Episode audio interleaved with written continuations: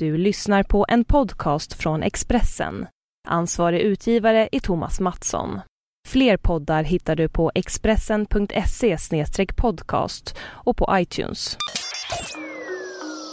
Det här är Expressen Dokument om att Afghanistan går till val av Masoud Azrak och Johanna Karlsson som jag, Johan Bengtsson, läser upp.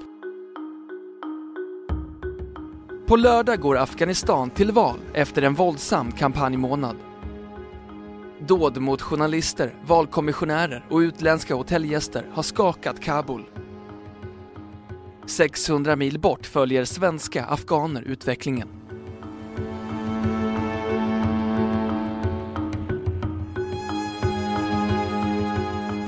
Afghaner utgör Sveriges fjärde största invandringsgrupp.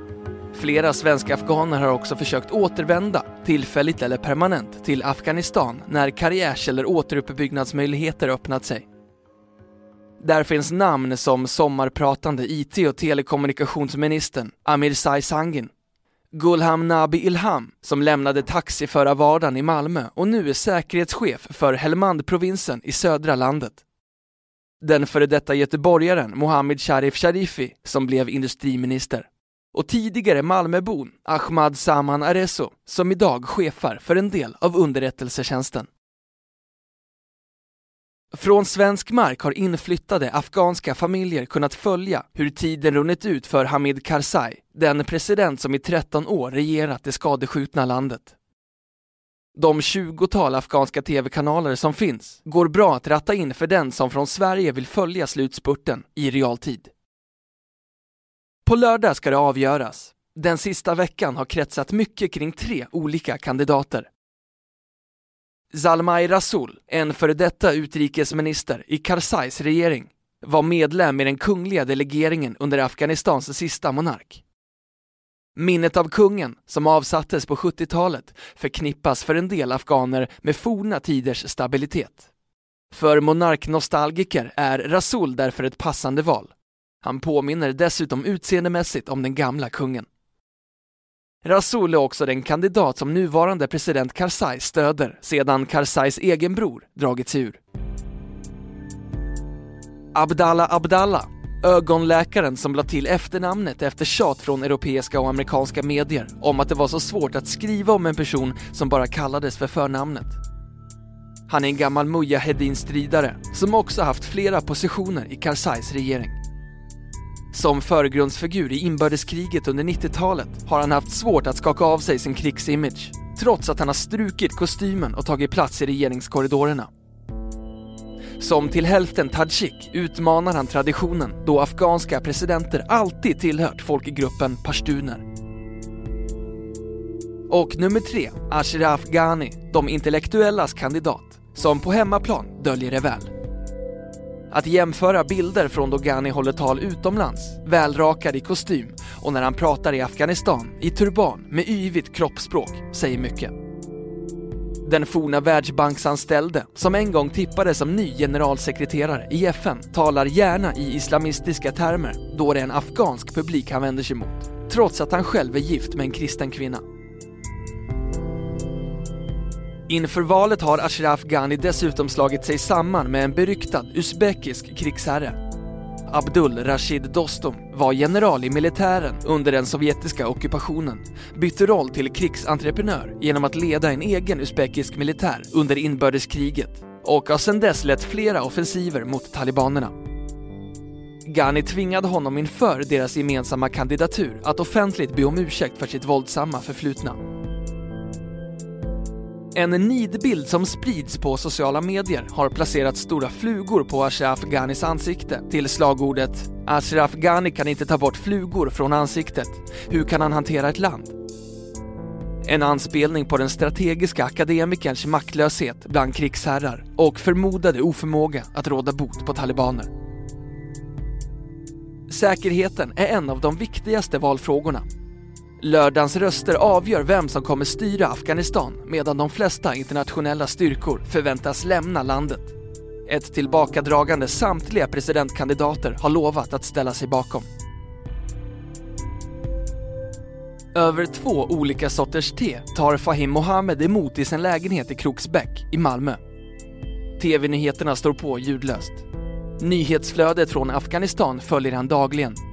Särskilt försöker han lägga märke till vilka ansikten som syns på arrangörssidan, nu när valet inte längre arrangeras av FN, utan av lokala aktörer. Det finns alltid en oro för konspirationer bland andra afghaner jag träffar. Att hela valprocessen ska vara uppgjord i förväg, säger han. På andra sidan soffbordet sitter vännen Kabir Amiri, 37. Kabirs bror, sångaren Amanullah Amiri, har precis återvänt till Kabul där han spelat in två kända sånger till kandidaten Ashraf Ghanis ära. Själv har Kabir svårt att se någon bättre kandidat för posten. Etnisk tillhörighet spelar fortfarande en stor roll i afghanska val. Om Abdallah Abdallah vann vore det av symbolisk betydelse för motsättningarna mellan Afghanistans etniska grupper, resonerar Kabir Amiri.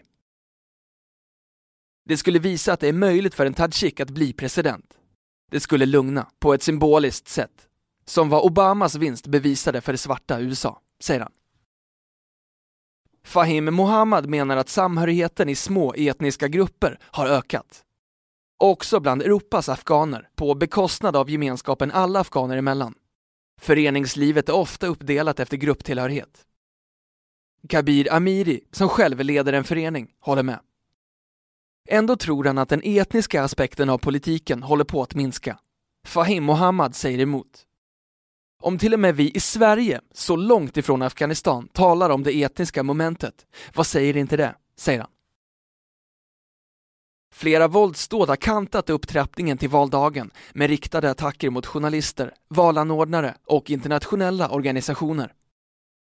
Genomförandet av valet och valutgången kommer att ha stor påverkan på både migrationsströmmar från Afghanistan, vilken chans flyende afghaner har till asyl i andra länder och hur många europeiska afghaner som överväger att återvända.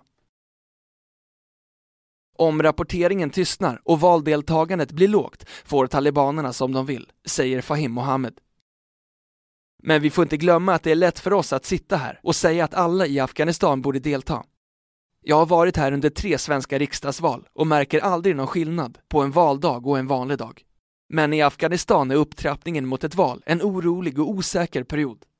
Allt det kulminerar på valdagen, säger han.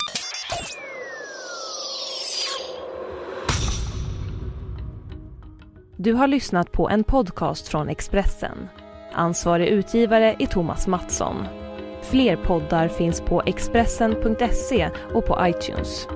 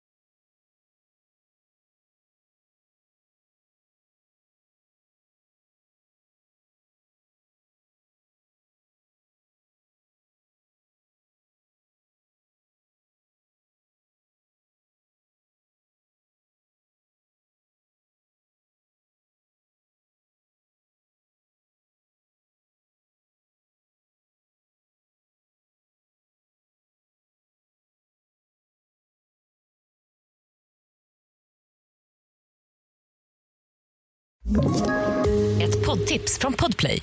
I podden Något Kaiko garanterar östgötarna Brutti och jag, Davva, dig en stor dos skratt. Där följer jag pladask för köttätandet igen. Man är lite som en jävla vampyr. Man har fått lite blodsmak och då måste man ha mer. Udda spaningar, fängslande anekdoter och en och annan arg rant. Jag måste ha mitt kaffe på morgonen för annars är jag ingen trevlig människa. Då är du ingen trevlig människa, punkt. Något Kaiko, hör du på Podplay. Därför är gardinerna.